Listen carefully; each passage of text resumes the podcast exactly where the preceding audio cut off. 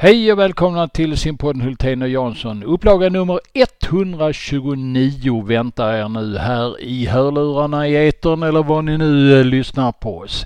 Jenny Gustafsson, simtränare i Spårvägen och talangutvecklingsansvarig i Svenska simförbundet är med oss inledningsvis och eh, sedan ska vi också eh, efter det intressanta snacket med Jenny snacka lite om ISL World Cup Eh, Svenska simhösten och en hel del annat.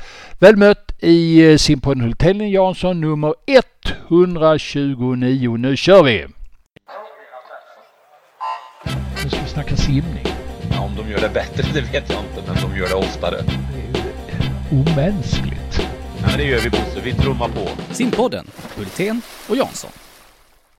Sådär ja. Då ska ni alla vara välkomna till simpodden Hultén och Jansson nummer 129. Och speciellt varmt välkommen till dig Jenny Gustafsson. Kul att se dig igen. Tack så mycket. Mm. Och Jansson, du sitter någonstans där i skogen. Eh, sitter du inne eller ute? Jag sitter inne. Är det inte kul att se mig då? Nej, sitter inne. Ja. Nej, men jag ja. ser inte dig för jag har kopplat bort den bilden. Du har så dålig mottagning. Det har ju, vi, Tack för vi, vi, vi har ju fått eh, löften om att du ska få fiber någon gång så att vi kan upprätthålla god kommunikation med dig eh, framöver. Men eh, det verkar inte ha inträffat ännu. Men däremot Jenny, hon har fiber. Hon har 700 megabytes eh, mottagning här så att det ska höras jättebra. Vi har inte träffat Jenny sedan i eh, juni månad eh, och det är ju ett tag sedan. Det har hänt en del, eller? Absolut. Ja. Eh, det har varit en eh, sommar med väldigt många mästerskap. Mm. Eh, dels svenska mästerskap med SumSim och SM. Mm. Men så har det ju framförallt varit väldigt många internationella mästerskap som jag har haft lite ansvar för då. Och då ska vi säga till er som är nya lyssnare att Jenny jobbar halvtid eh, på klubbnivå med Spårvägen och så halvtid som ta talangutvecklare för Svenska simförbundet. Ska vi, ska vi titta i spårvägsfönstret allra först? Eh, vad, vad har hänt där tycker du? Eh, ja men det har varit en, som sagt en, en bra sommar med eh, eh, ja, framgångar både på ungdomssidan och på senior och juniorsidan. Eh, med eh, ja, många medaljörer i sommar. Det är alltid roligt eh, när det är nya medaljörer på prispallen. Mm. Och en sommar där vi är ganska så nöjda med resultaten. Mm. Har ni kunnat träna på rätt sätt och allting har fungerat med bassänger och sånt? Det är ju lite upp och ner emellanåt med bassänger både ja. för er och för andra. Ja men det har vi, det har vi absolut. Mm. Så det är stabilt på den fronten. Ja, om du tittar in i ditt eh, talang, talangutvecklingsjobb där du är involverad i simförbundet och därmed också eh, på några av de här yngre landslagen. Hur eh, är känslan efter sommaren 2019 då? Um, jo, men jag tycker det känns bra. Vi hade väldigt fina resultat på EJM i Kazan. Mm. Eh, med väldigt många som slår personliga rekord. Mm. Sen märker vi att eh, konkurrensen i Europa den blir tuffare och tuffare. Mm. Påminner oss om, om några av toppinsatserna för svensk del. Ja, det var väl framförallt Robin Hansson som stod för medaljerna där. Och han hade ju även framgångar sen på JVM i, i Budapest i Ungern. Mm. Lite senare under sommaren. Mm. Och eh, fler mästerskap eh, för landslaget under sommaren förutom ja, EM? sen så hade vi ju eh, Nordiska ungdomsmästerskapen i Vejle i Danmark som gick samtidigt som Sumsim. Ehm, och där var det också en hel del fina resultat, kanske inte lika mycket personliga rekord som på EJM men ändå en, en bra start för de simmarna i landslagssammanhang det är ju en tävling där man på något sätt ska få sina första internationella erfarenheter. Så det var bra. Mm. Eh, och så, så hade vi ett gäng som var på EOF, alltså European Youth Olympic Festival i Baku. Eh, det som också... ibland kallas ungdoms-OS, den europeiska delen, eller hur? Ja, mm. den europeiska versionen där ja. ja. Mm.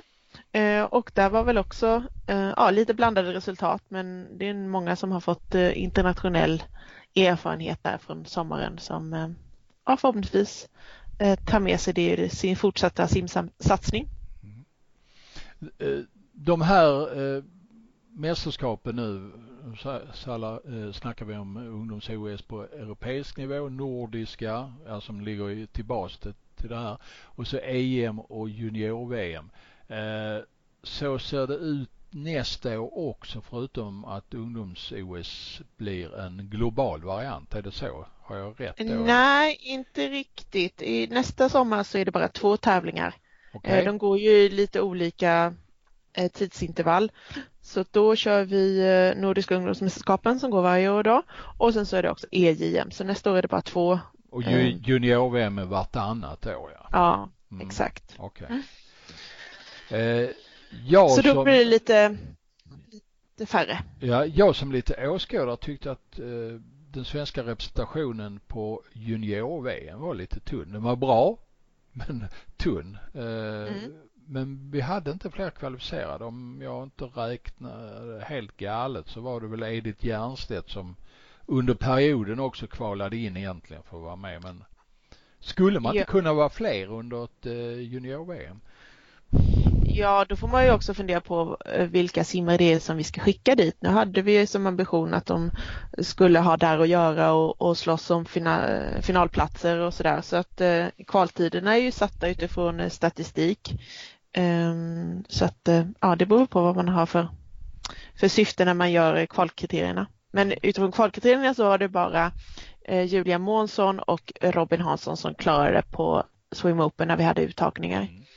Eh, sen så under eh, senare under sommaren sen så kvalade ju även Edith men då var ju det eh, för sent så att säga. Mm, mm. Mm. Okej, okay. Jansson. Vad säger du i de här sammanhangen? Har du några frågor till Jenny?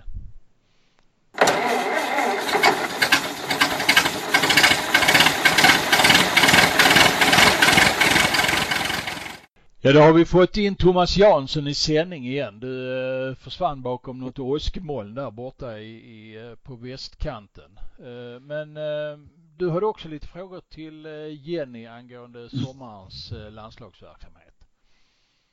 Ja, jag har en som är kopplad till det hon nämnde om att konkurrensen hårdnar och det där är ju ett, det är någonting som vi egentligen kan säga att vi hela tiden den har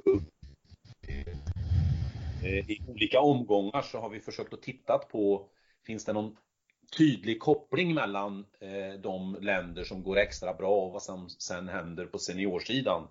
Eh, har du någon känsla där Jenny för att de länder som var extra bra nu är de som kommer att visa upp sig sen?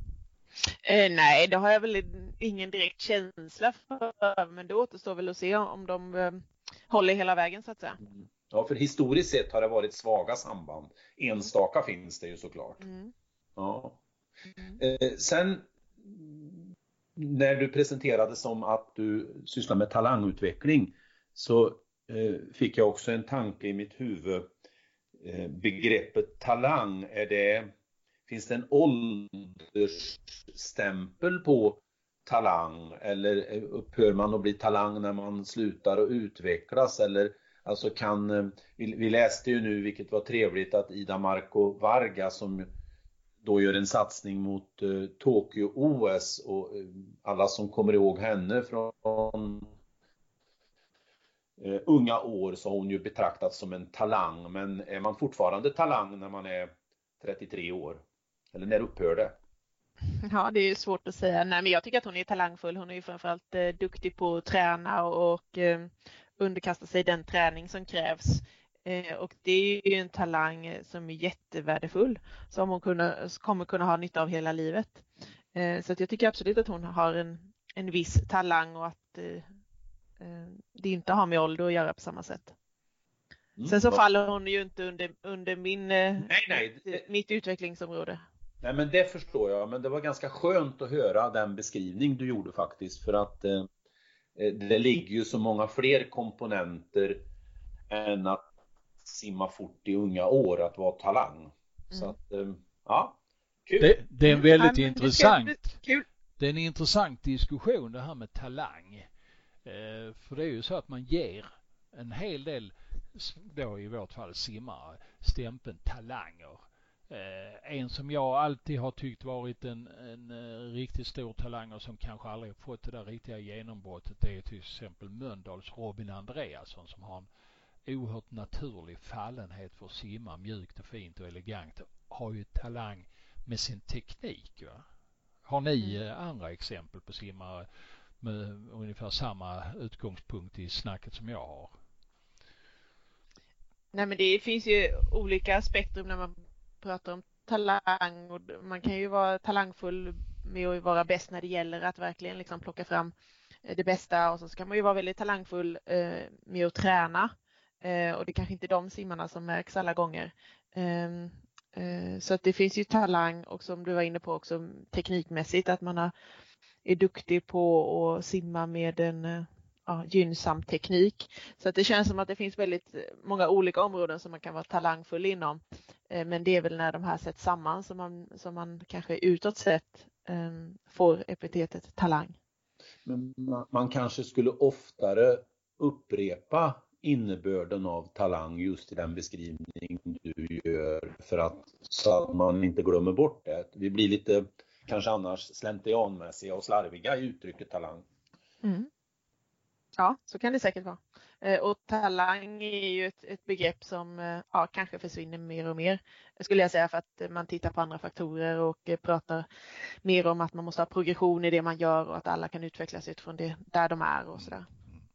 Men du, du nämnde ju ett par bra grejer här. Att man, man bör ha en talang till exempel för att kunna vara bäst när det gäller. Robin Hansson, nya spårvägssimmaren, är ju en sån talang till exempel.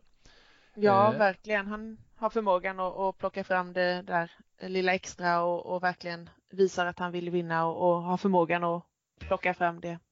Men, Mm. men får jag göra en infallsvinkel? Det, kan det, eh, det är ju ett sätt att beskriva det. Skulle man kunna beskriva det från ett annat perspektiv och säga som så här att eh, talangen består i att klara den extra anspänning som blir i en finalsimning. Simmare som inte gör det eh, behöver jobba på den, på den mentala biten. Ja, allt går ju att träna upp så absolut. Det skulle jag säga. Mm. Men som du också säger Jenny att man ska ju ha en talang för att kunna träna. Att eh, orka med träningen, ta, ta till sig träningen och har man inte talang att träna, ja då är det svårt att ta upp träningen naturligtvis. Så det är ju vissa andra faktorer som tålamod och, och, och sånt här och eh, också fysik som gör att man klarar sig bra i det, de sammanhangen. Mm.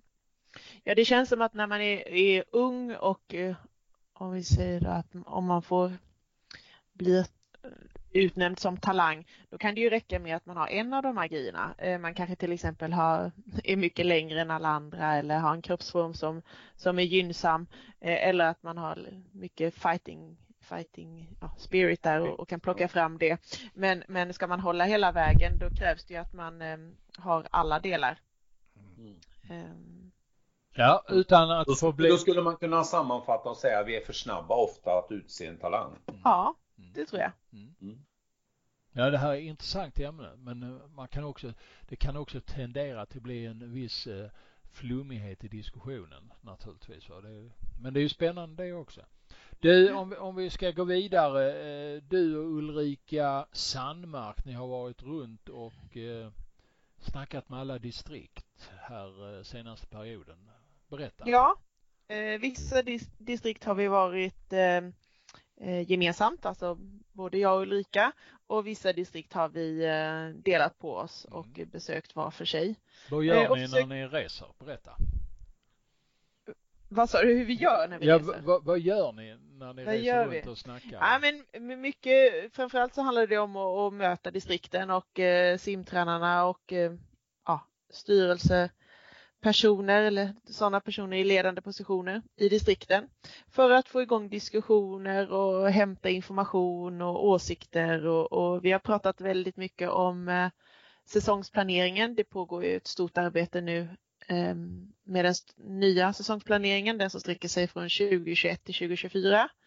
Eh, allt ifrån vad vi ska göra med våra utvecklingshelger till vad ska vi ha för ålder eh, Eh, på vår juniorsimning, om vi ska följa de internationella åldrarna eller inte. Och då vill vi fånga upp lite där vad, vad folk tycker och vad de har för åsikter. Och, eh, sen pågår det också ett arbete där vi ska uppdatera vår eh, simlinje, alltså den eh, boken som finns idag när man pratar om de olika utvecklingsstegen och vad som krävs för att bli eh, en, en simmare ehm, på hög klass Eh, och vilka delar som kanske ska revideras där och vilka som ska läggas till och ja. Så det har vi pratat om. Eh, och eh, ja, sen har vi pratat lite om hur man kan jobba med regionsläger, hur man är hållbar som ledare och ett intressant ehm, ja, program som har kommit från det här, det är faktiskt Mellansvenska som nu ehm, ska sätta igång med ett mentorskapsprogram med fokus på då att eh, utveckla tränarna.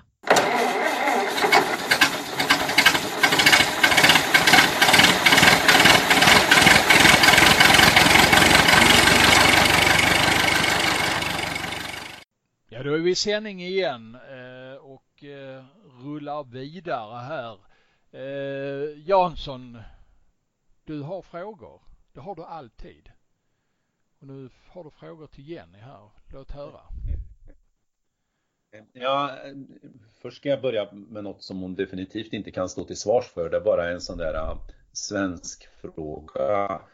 Heter vi, är det regioner eller distrikt som man ska benämna om vi nu tar mellansvenska? Är det mellansvenska region, regionen eller är det mellansvenska distriktet?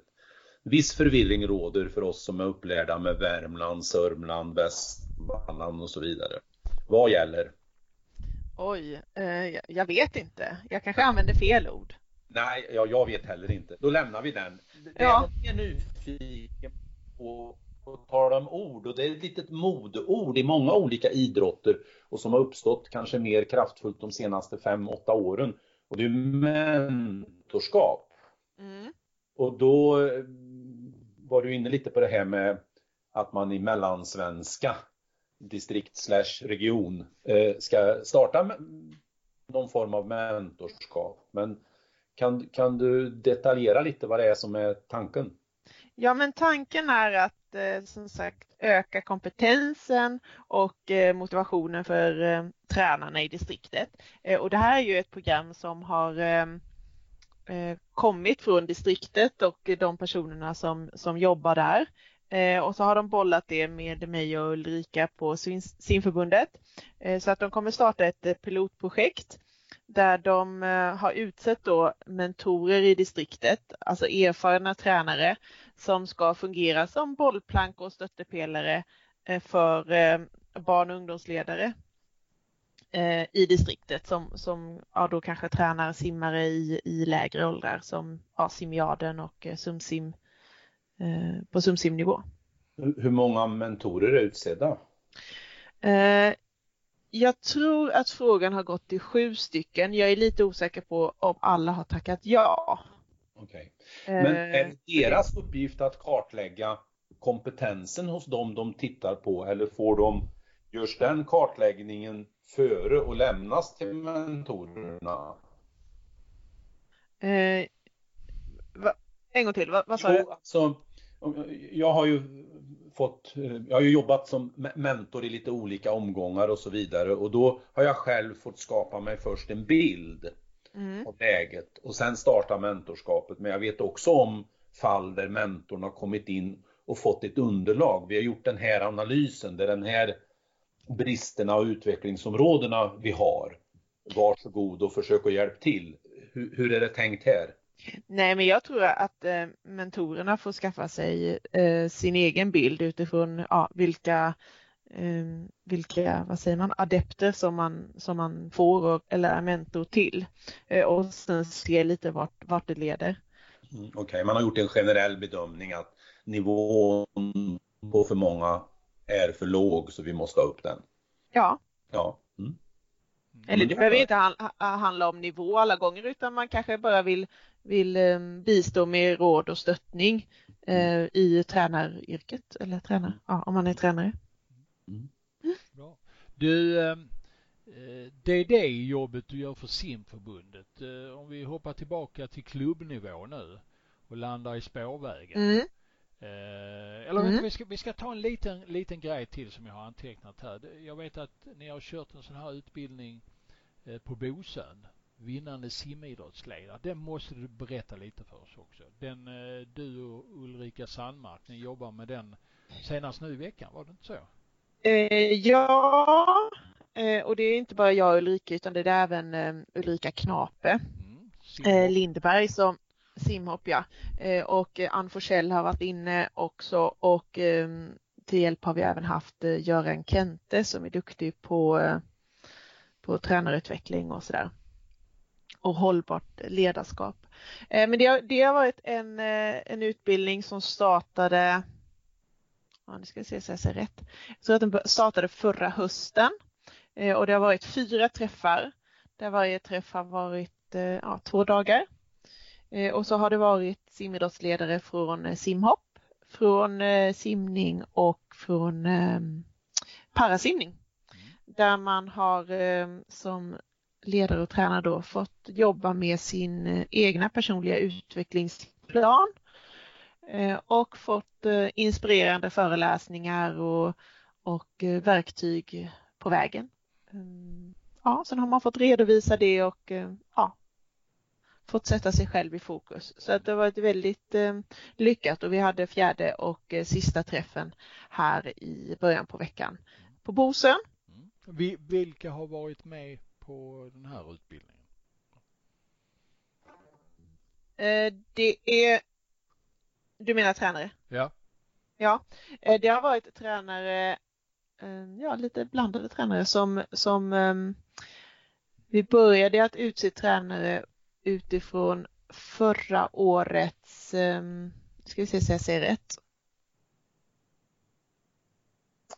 simmare som blev uttagna till en, en eh, selektering, de tränarna eh, eh, blev, eh, fick delta i programmet. Mm, mm. Om man då hade intresse för det också. Ja, ja. Mm.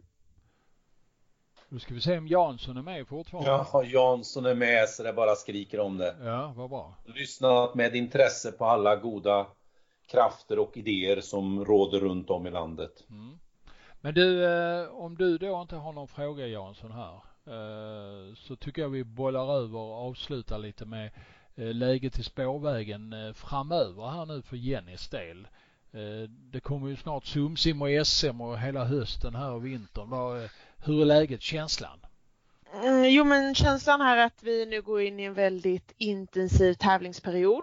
Eh, dels så kommer ju mästerskapen men de ligger ju här någon månad framåt och just nu så är det väl tävlingar inför som eh, där vi ska försöka få till lite tävlingsfart på simmarna. Eh, så det är kul att se och ja, se vart, vart vi hamnar. Mm. Känns väldigt starka på killsidan just nu lite svagare på tjejsidan framförallt eftersom vi har många tjejer som är eh, i utlandet och simmar och kanske inte riktigt kommer hem till SM och JSM där. Mm. Men det blir en spännande höst och eh, ja, i övrigt så är det ju oktober och då är det ju budgettider. Mm. Så att eh, ja, det är väl det som ligger närmast. Mm. Och på simförbundets håll så eh, ja, så, så jobbar vi vidare med ja, utveckling och eh, det ska ju tas ut en eh, trupp till NM här som går på Färöarna i eh, december och där sker uttagningen på SM. Ja, ja. bra. Så det är det som händer där. SM som går i Eskilstuna och där är du lite inblandad Jansson, har jag förstått. Mm. Mm. Så är det. Det är spännande. Det är inte så många dagar kvar nu. Nej, det är det inte. Och vi kan väl berätta också att eh, för första gången eh, på SM i, eh, nu i Eskilstuna kommer två av dagarna bli kommenterade på nätet av Hultén och Jansson. Vi kommer alltså direkt kommentera tävlingarna på nätet. Det är inte bara så att man snor ljudet från arenan utan att vi kommer att göra förhandsnack och det gör vi till alla pass eller alla eh, finaler men vi kommer direkt kommentera också eh, torsdagen och fredagens tävlingar. Det blir lite spännande tycker vi. Mm. Så är det. Eh, och lite gäster kommer väl in där också kan tänkas. Jenny, eh, som vanligt så eh, tackar vi dig och önskar dig lycka till med allt vad du behöver göra i livet. Ja, och så, tack. så ska du här också eh, officiellt få ett eh, lite försenat grattis på födelsedagen som inträffade igår. Ja, tack så mycket. Så. En applåd ifrån mig. Från de värmländska skogarna till skånska ängsmarkerna så tackar vi Jenny Gustafsson och eh, kommer snart tillbaka med mer simning här i simpodden Hultén och Jansson. Hej och tack! Nu ska vi snacka simning. Ja, om de gör det bättre det vet jag inte, men de gör det oftare. Det är ju omänskligt. Men det gör vi Bosse, vi trummar på. Simpodden, Hultén och Jansson. Mm. Då är vi inne i den andra halvleken av simpodden 129. Eh, och då har vi snackat med Jenny Gustafsson och nu ska vi snacka lite allmänt om simning. Trevligt snack med Jenny som vanligt. Ja, verkligen. Mm. Det är en klippa. Ja, men du Jansson, eh, jag läser här på Simma, den alldeles utmärkta hemsidan på simnyheter att eh, Eskilstuna har värvat svenska mästaren på 50 frisim. Är det förenligt med dina idéer om eh, det här med simning och sättet att vara och uppföra sig i simvärlden? Det kanske är fake news. Har du granskat källan? Ah, ja, det har jag gjort. Och det, det är en, ja, han är Nej, lite tveksam så, i och för sig. Det är jättebra att du tar upp det där för att det är ju precis eh, vad jag har varit. Speciellt till de här värvningarna som har varit värvningar där man verkligen har uppvaktat personer och för att egentligen lösa lite lagkappsproblem, få lite kortsiktigt tänk. Ehm, så, och, det, och det är jag fortsatt. Jag, jag tror inte det är, är bra för att då tappar man fokus på den individuella utvecklingen och det vill jag alltid hylla. När det gäller Jonathan Kling, som vi då är jätteglada och stolta förstås över att han har eh, valt att eh, representera Eskilstuna, så har han ju varit och tränat med Mikael Eriksson, Mikael Bossen Eriksson ett par gånger i veckan sedan i vintras och passat bra in i gänget. Och det har han gjort utan att vi har tagit ut några kostnader eller någonting sånt, utan vi har gjort det för att det är en, en kille som, han, han vill någonting. Och när han nu har uttalat här under hösten att han gör en satsning mot 2024 då passar han ju verkligen in i bilden för hur, hur jag tänker en, en vuxen simmare som vågar tänka och, och se långsiktigt. Eh, det är precis den role model som, eh, som vi behöver i, i klubben. Så att, eh, och det är definitivt inte en värvning utan det uppstod ju ur ett samtal mellan Mikael och eh, Jonathan. Men eh, det är bra att du påpekar det för det, man ska betrakta varje fall eh, av klubbövergång med en helhetsbild tycker jag. Men eh, lite av den förklaringen som du ger oss nu, den, den tycker jag känner igen från många andra Eh, som förklarar ungefär på samma sätt? Eller är det jag som har fel ingångsvinkel i min eh, frågeställning?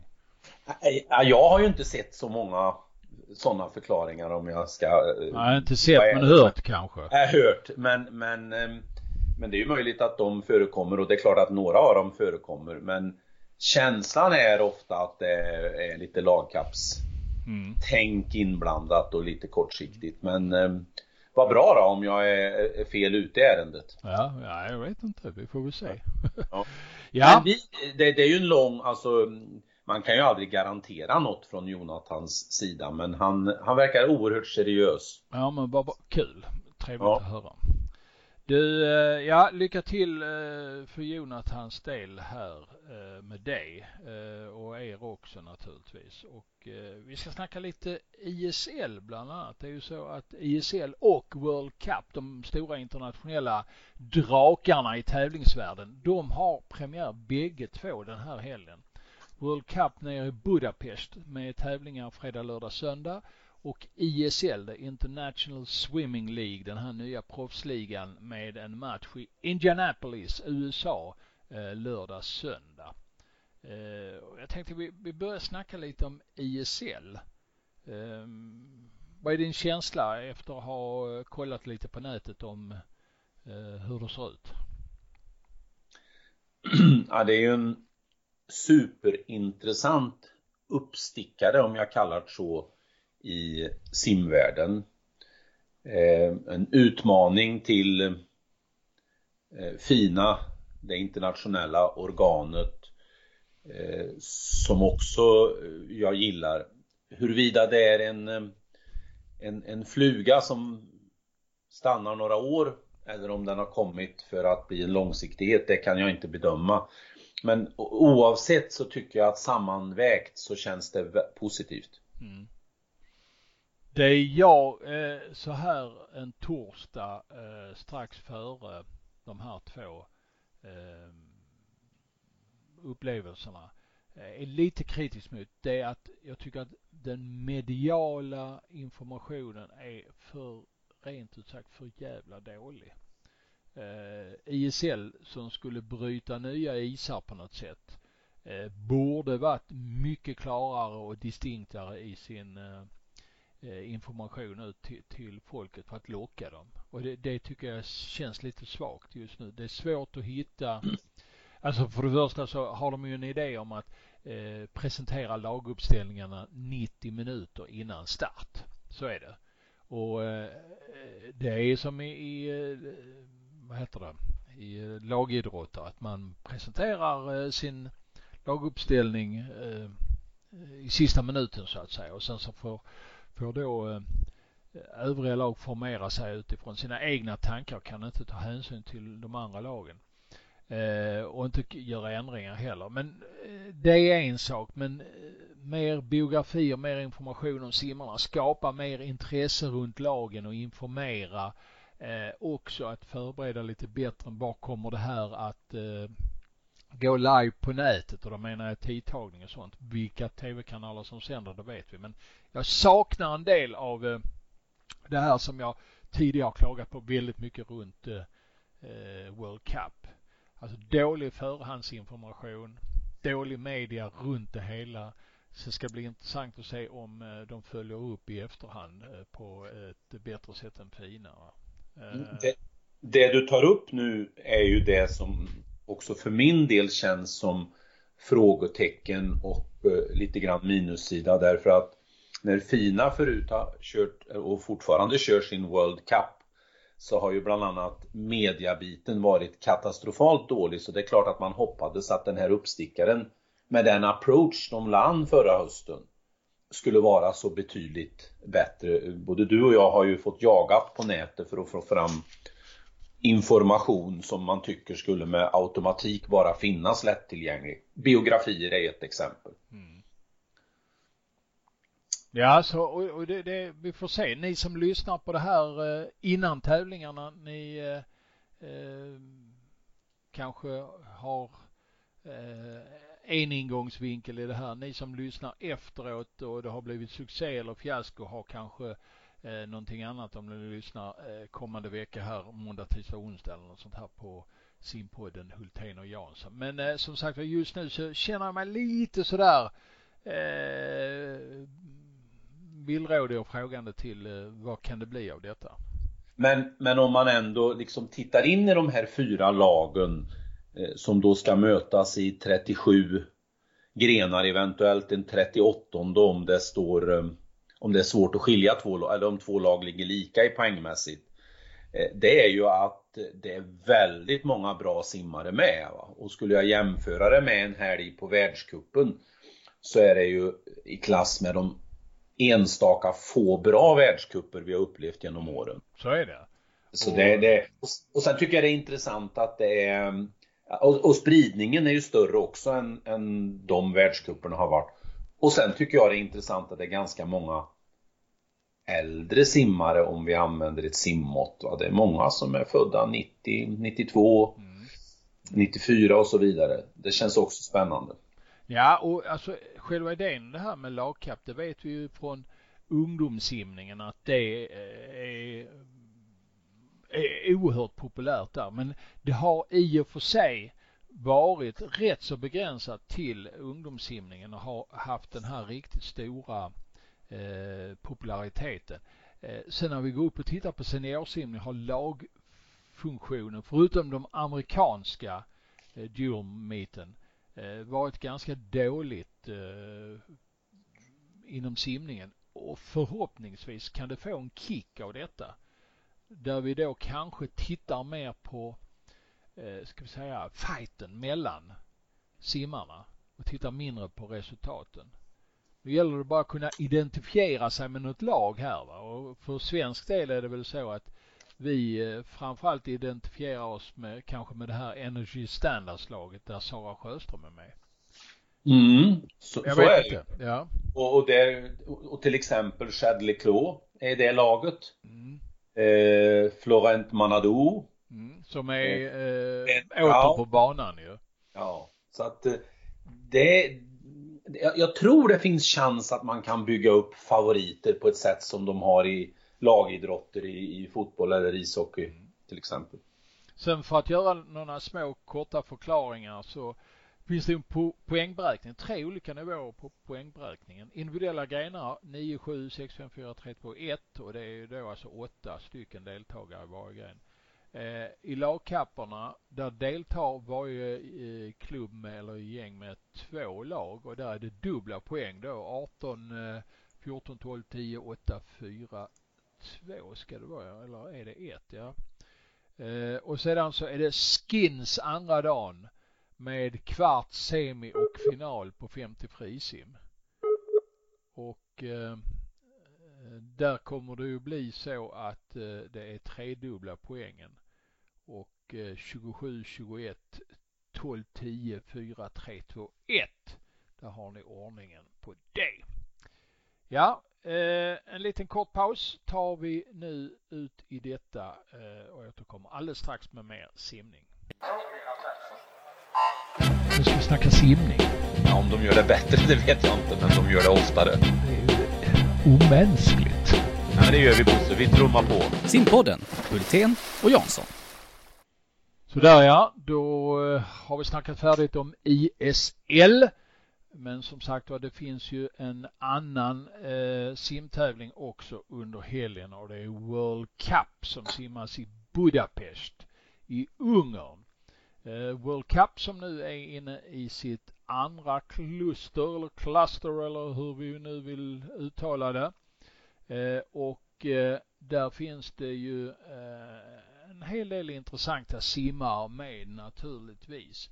Om vi bara går in och tittar på de olika grenarna så kan vi se, ja, vi har namn som Anja Kesseli, Mireia eh, Belmonte, Danas Rapsis, Florian Wellbruck som bland några. Eh, alla ungrarna finns på plats naturligtvis. Eh, vi har en del australiensare med. Vi har eh, japanen Ryosuke Irie. Tarasevic, jag rabblar några namn till. Hosho finns på plats. men det är intressant att Danas Rapsis är med där för han är även med borta i USA. Mm. Till exempel. Kristof Milak. Mm. Ungraren. Ja. Är naturligtvis med. Jag ska se om jag kan hitta någon mer till som vi kan frossa. Eh, ja, ja det är ju väldigt många namn. Men Kate Campbell ser jag här också. Men, Taylor, kanadensiska som hade världsrekord på ryggsim tidigare. Men, men det betyder ju Bosse att om man lägger ihop de internationella kvaliteterna på eh, ISL-turen och så samtidigt med världskuppen så har det nog inte hänt i historien att så många bra simmare simmar samma helg även om de inte simmar på samma ställe. Nej, så är det nog.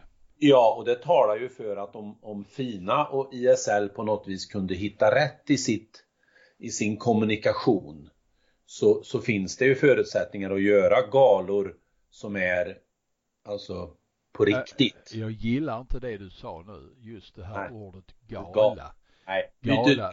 Ja, gör, gör det. Det känns, känns, det är det någonting som är fabricerat och som inte har med idrott att göra så är det gala. För Ja. mig i alla fall. Ja, ja.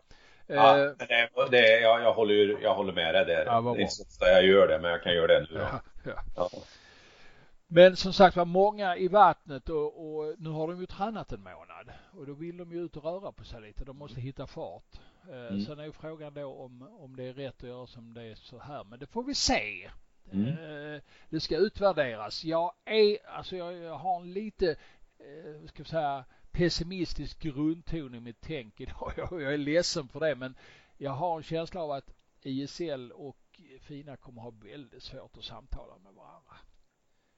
Så länge det sitter de herrarna som det gör i FINA och jag tror inte herrarna i ISL är speciellt eh, eh, jag vet inte, diskuterbara heller. Nej, jag vet inte, men Mm. framförallt fina, fina blocket där med, med dessa eh, äldre gentlemän som gärna vill eh, synas. Har svårt att se att de ska vika ner sig. Mm. Men det är en nödvändighet på sikt om de ska om simningen på, ska få tävlingar som håller samma standard som till exempel en, en eh, världscup tävling i friidrott för att ta ett exempel. Golden League menar du? Till, ja, så heter Ja, den. ja. Eh, ja, så är I det stort väl. sett hela världseliten är med på, Mm. på alla tävlingar. Mm. Men, men, eh, ja, det är väldigt viktigt här nu att ISL-matcherna, eh, att de kommer rätt från början. För kommer de inte rätt nu så de får inte så många chanser. Har jag en känsla av. Så många chanser att etablera sig i folks medvetande. Jag, har, Ja. jag är lite frågande inför det. Vi ska ju jobba eh, med den här eh, Du är väl med en, en helg på kommande tre helger och jag ska upp eh, och, och jobba alla tre. Det blir väldigt intressant att se hur det är och, och, och, och beskåda en sån här tävling för det är ju lite, det är ju helt annorlunda format. Mm. Så är det. Mm. och ett helt annorlunda tänk och kanske eh, man som, när man kommenterar och när man tittar på det här kanske man ska ha en annan approach än eh, man normalt sett har. Ja, det, det blir man nödvändig för nu är det ju poängerna som styr. Ja, och simmarna simmar fler grenar och de simmar det ganska tätt. Och, eh, vad vi kommer att få, vad som kommer att vara väldigt intressant är ju att se de här skinsloppen.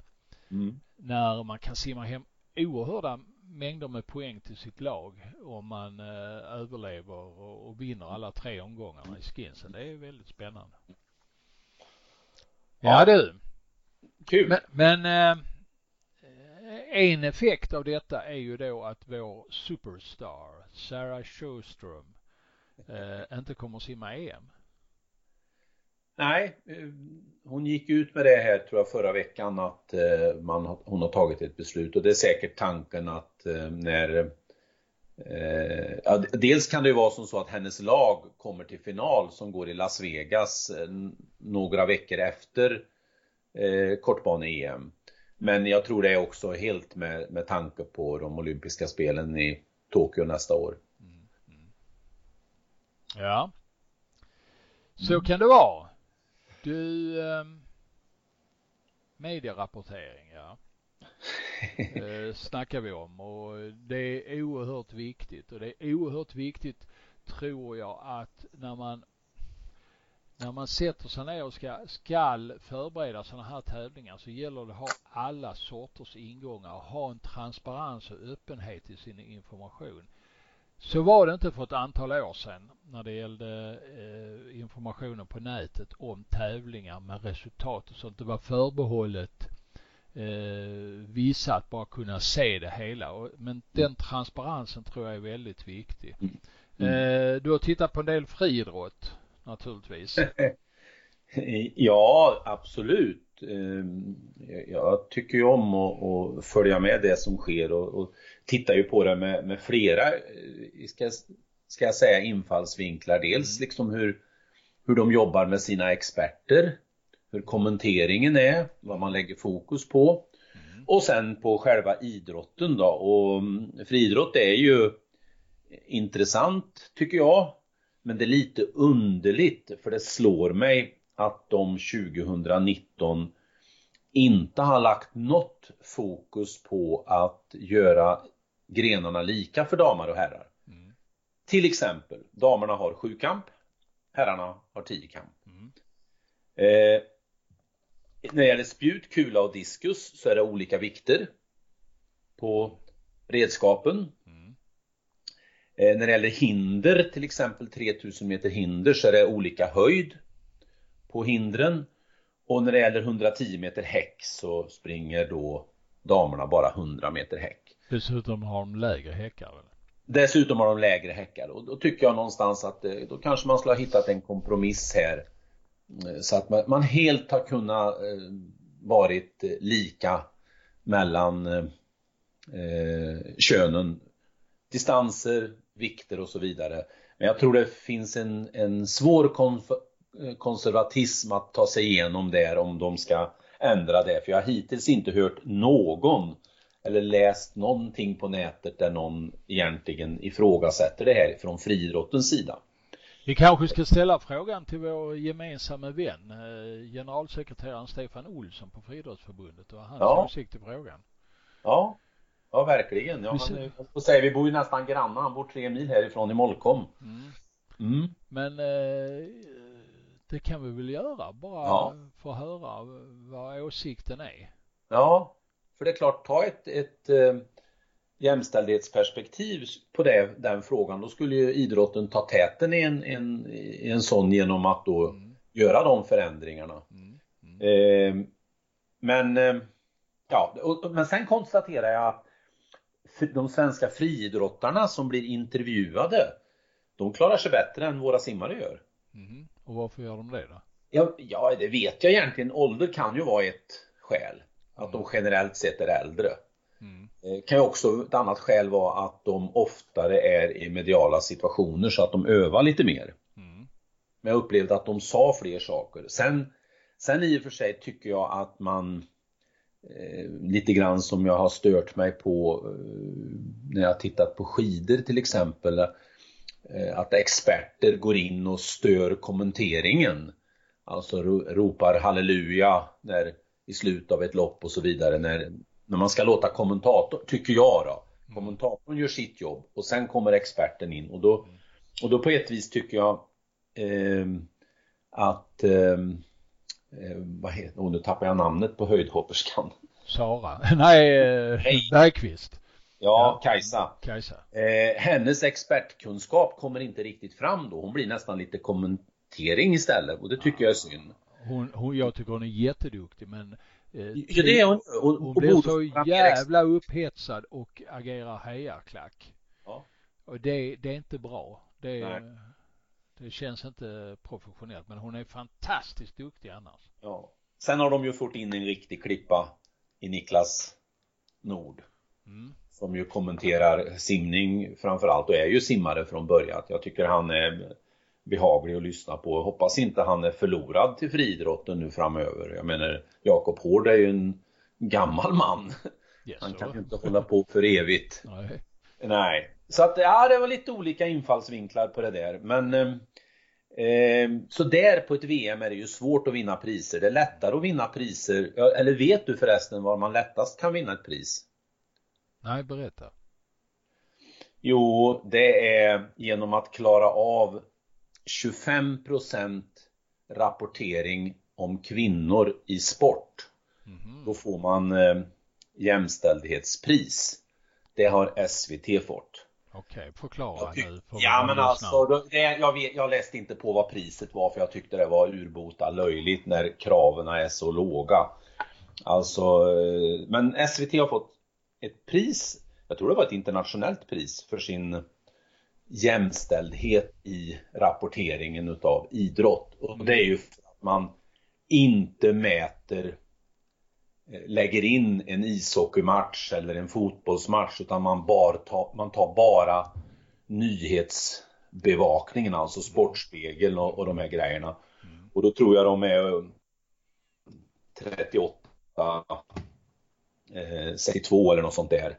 I, förhållande. Och det är ju på rätt väg. Det har hänt jättemycket, det ska man ju säga. Men, men att få pris när, när då de flesta sändningar handlar om män, det tyckte jag var fånigt. Mm. Ja. Men eh, ja, det var det lilla fönstret mot mediavärlden. Det fanns ju ett program som hette det. Vi får kanske inte låna den titeln. Nej, Fönster mot TV-världen med Åke Vilni eller eh, som han kallades lite glatt, Åke vad vill ni? eh, han skakar alltid på huvudet så här och eh, en malmöitiskt baserad eh, före detta vattenpolospelare i sin klubb Ran ska berättas. Allting eh, utmynnar någonstans i simning. Men du, eh, ja, du, du, sa att intervjuerna var bättre i friidrott. Ja, jag upplevde det. Kan, kan, du på något sätt, eh, de säger inte lika ofta där att ja, jag ska bara ut och ha kul där ute och, och eh, det är inte så utan de analyserar kanske lite Ja, det kommer, ja, ja exakt, alltså det kommer lite sånt där som inte kanske jag som okunnig i friidrott kan se. De, de säger no, någonting om sitt lopp som är av värde. Va? Det, det blir inte så flamsigt och så blir det en liten analys i det. Mm. Och det, det, det kanske jag för att jag är lite nördig tycker det är viktigt men jag inbillar mig att de flesta lyssnare skulle, eller tittare också skulle tycka att det tillför något. Mm. Mm. Ja, de säger något, de säger mer. Ja. Ja. Så kan det vara. Ja. Du, eh, har vi något mer? Hemmafronten? Det är ju ja, inte, liv, livet är inte bara internationell simning och friidrott på tv och sånt. Det finns väl simning här hemma också eller? I Hallsberg i helgen, Hallsberg-Kumla, är det ungdomstävlingar till exempel. Ja. Ja, okay. har du varit i Kumla någon gång? I Kumla ja. ja. Dessutom i nya badet. Det har jag okay. också varit, inte bara i gamla Djupadalsbadet. Men har du varit och simmat i utebadet då? Ja, det är väl det som heter Djupadalsbadet va?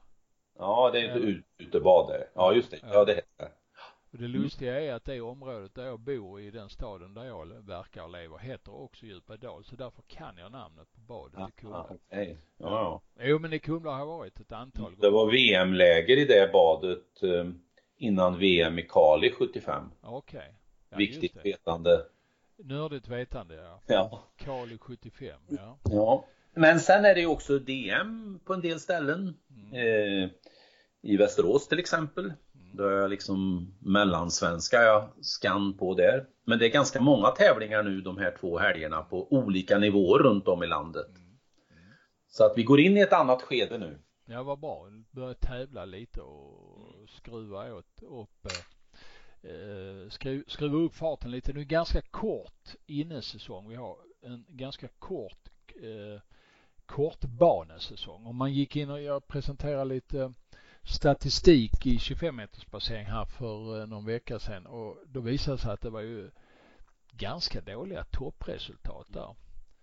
Eh, måste man säga. De, många av våra bästa simmare har inte simmat i 25 Nu har man varit i en helg här, var man var i på simspelen bland annat eh, och simmade och en del simmade bra och en del simmade Eh, Eh, börjar komma tillbaka lite här av de här eh, talangsimmarna, talangtoppsimmarna som Björn Seliger och Sara Junevik börjar röra på sig igen efter att ha haft ett tungt år. Det ska bli spännande att följa dem i eh, den här verksamheten framåt här.